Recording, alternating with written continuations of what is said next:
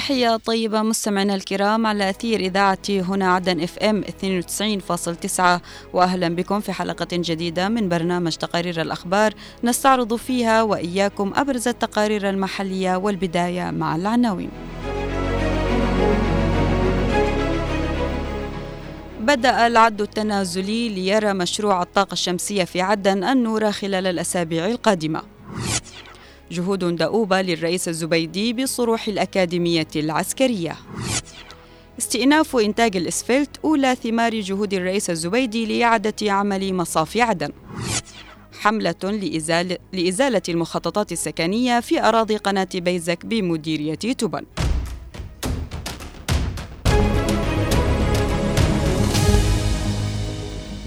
خلال اجتماع مشترك لقيادة المؤسسة العامة ومؤسسة كهرباء عدن والجهات ذات العلاقة تم مناقشة الأعمال المنجزة من محطة الطاقة الشمسية حيث أكد مختصو الشركة المنفذة استكمال 97% من أعمال تركيب الألواح الشمسية.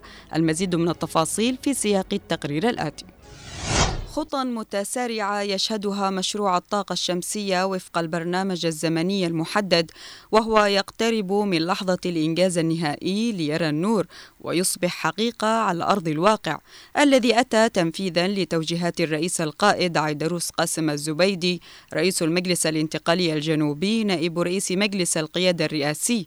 حيث وقفت قيادة مؤسسة الكهرباء أمام الأعمال المتبقية لبدء تشغيل محطة الطاقة الشمسية والخطوات والإجراءات الجارية لربط خطوط التصريف لمحطة بترومسيلة وتحضيرها بقدرتها الكلية 264 ميجاوات وكذا البرنامج الزمني لدخولهما حيز الخدمة عملياً. ونشر إبراهيم إيهاب إعلامي في مكتب محافظة عدن تغريدة على منصة إكس أن العاصمة عدن تشهد الأسابيع الأخيرة من تشغيل أول محطة طاقة شمسية في عدن لسعة 120 ميجاوات المقدم من دولة الإمارات العربية المتحدة.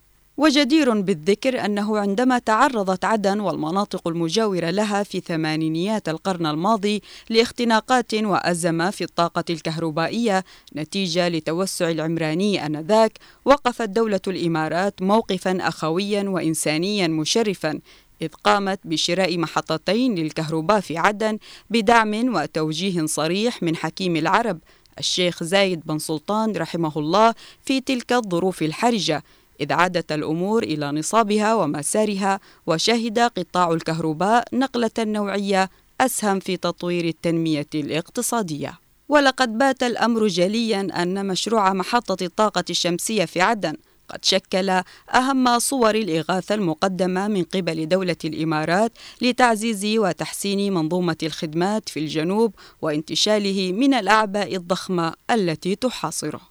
ويبشر هذا المشروع الخدمي بإيجاد حل جذري لأزمة الكهرباء في العاصمة عدن من خلال وضع حلول على أرض الواقع بما يقود إلى تخفيف معاناة المواطنين بجانب خفض الإنفاق والخسائر الكبيرة التي تذهب لشراء الديزل والطاقة المشتركة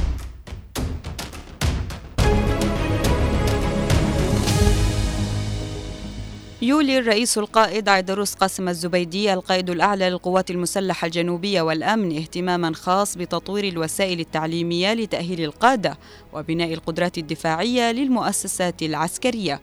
تفاصيل أوفى في سياق هذا التقرير. في سياق الاهتمام الخاص الذي يوليه الرئيس القائد عيدروس الزبيدي في بناء وتعزيز القدرة الدفاعية الاحترافية لتأمين سيادة الجنوب برا وبحرا. وصون مكتسبات شعبه من خلال قوات مسلحة وطنية جنوبية محترفة تتواصل عطاءات ونتائج هذا الاهتمام في إعادة تنظيم وتأهيل وتطوير المؤسسة العسكرية والأمنية الجنوبية على أسس وطنية وعلمية حديثة وإعادة تأهيل منتسبيها في الكليات والمعاهد والمراكز والمدارس والأكاديمية التخصصية. وإذانا بتدشين سير العملية التعليمية العسكرية. افتتح الرئيس الزبيدي مبنى الأكاديمية العسكرية العليا في العاصمة عدن. وهي إحدى أكبر وأعلى الصروح التعليمية لتأهيل القادة الذين يقع على عاتقهم بناء وتطوير القوات المسلحة بصنوفها الثلاثة البرية والبحرية والجوية. وعلى المستويات التكتيكية والاستراتيجية والتعبية.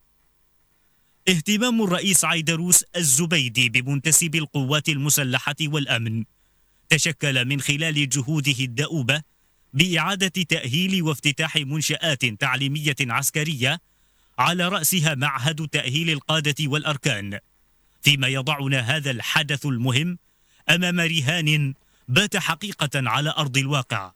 جاء نتاج العمل على بناء وإيجاد مؤسسة دفاعية حديثة تتحلى بأعلى درجات العلم والضبط والربط العسكري الواعي باعتباره أهم عناصر الإعداد والجاهزية القتالية العالية التي تنعكس بدورها على أداء وجدارة القوات الجنوبية خلال مهامها وواجباتها في التصدي للقوى المعادية ومكافحة الإرهاب والقرصنة. والإسهام الفاعل في حماية أمن واستقرار الوطن والمنطقة بما في ذلك ممرات الملاحة البحرية العالمية.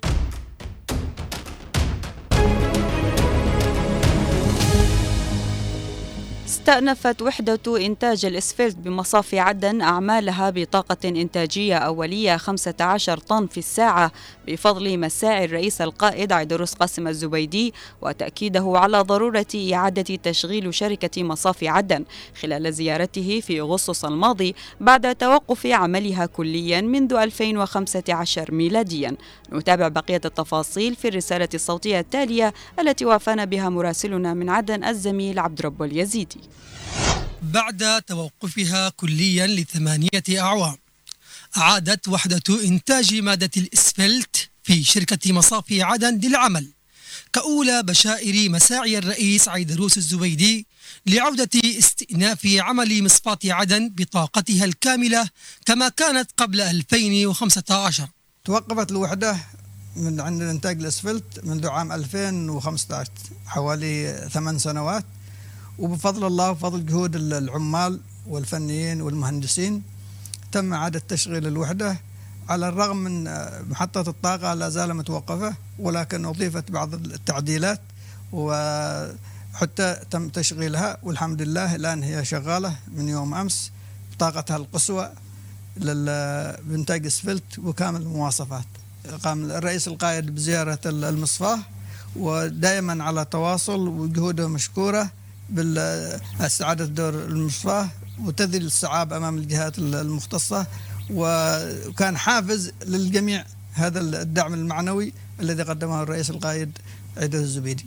استئناف عمل الوحدة جاء عقب استكمال أعمال الصيانة اللازمة لها وذلك في إطار الجهود المبذولة لاستعادة نشاط المصفاة ودورها في تغطية احتياجات السوق المحلية من المشتقات النفطية ورفد الاقتصاد الوطني والكف عن الاستيراد طبعا آه، بدأنا في المصافي الآن أول ورشة آه، شغلناها هي ورشة الإنتاج الإسفل طبعا في. هي الآن في المرحلة الأولى في التشغيل اللي يعتبر اليوم الثاني والإنتاج حوالي تقريبا 15 آه، طن في الساعة. طبعا هذا في البداية ممكن يطلع إلى 30 آه 30 طن في الساعة بيكون. السوق ماشي إن شاء الله تمام. واستطعنا أن نقيمها ومشت بالأمر الطبيعي والآن الحمد لله الورشة ماشية زي ما المقاس المتغالي نشكرهم برضه. هم قاموا بدعمنا وهم اللي صروا على أن الورشة تشتغل. جهود الرئيس القائد عيدروس الزبيدي لتشغيل مصفاة عدن بثت مشاعر التفاؤل لدى المواطنين في عدن والجنوب كافة أن تعود شعلة المصافي مجددا كونها أهم الرموز الاقتصادية في عدن منذ إنشائها في عام 1952 وكانت تدر المليارات سنويا وتشغل آلاف الأيادي العاملة. في أغسطس الماضي أكد الرئيس الزبيدي من هذا المكان على ضرورة استئناف عمل مصفاة عدن. وها هي اليوم تعود وحدة إنتاج الإسفلت للعمل بعد ثمانية سنوات متواصلة من التوقف على أمل لاستعادة عمل المصفاة بشكل كامل. عبد رب اليزيدي العاصمة عدن.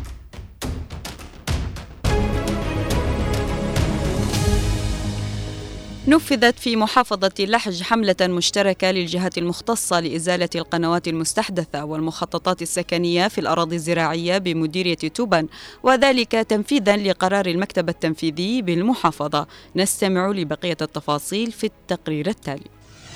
في سبيل الحفاظ على الأراضي الزراعية وللحد من ظاهرة تحويل قنوات الري لمخططات سكنية نفذت الأجهزة الأمنية في محافظة لحج حملة إزالة شاملة للمخططات المستحدثة في الأراضي التابعة لقناة بيزج التابعة لمديرية تبن نحن اليوم نقوم بإزالة المخططات العشوائية في الأراضي السكنية في مديرية تبن بناء على قرار المكتب التنفيذي.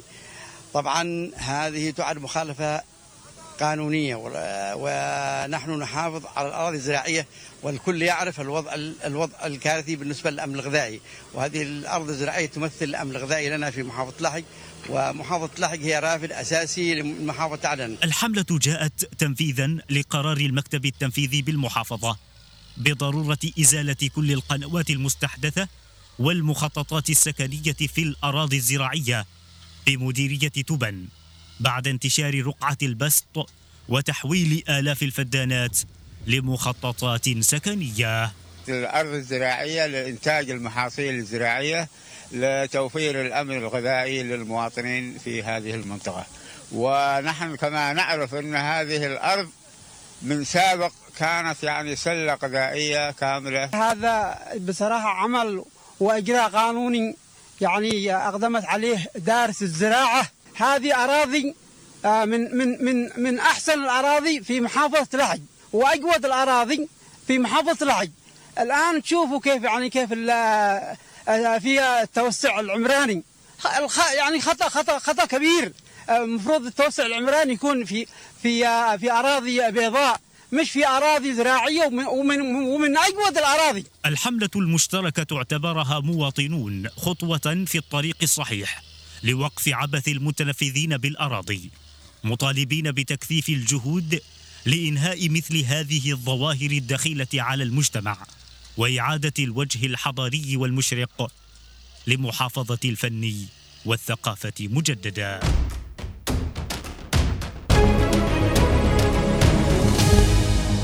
إلى هنا مستمعينا الكرام نصل إلى ختام هذه الحلقة من برنامج تقارير الأخبار. كنت معكم من الإعداد والتقديم أنا عفراء البيشي ومن الإخراج خالد الشعيبي. أطيب التحية إلى اللقاء.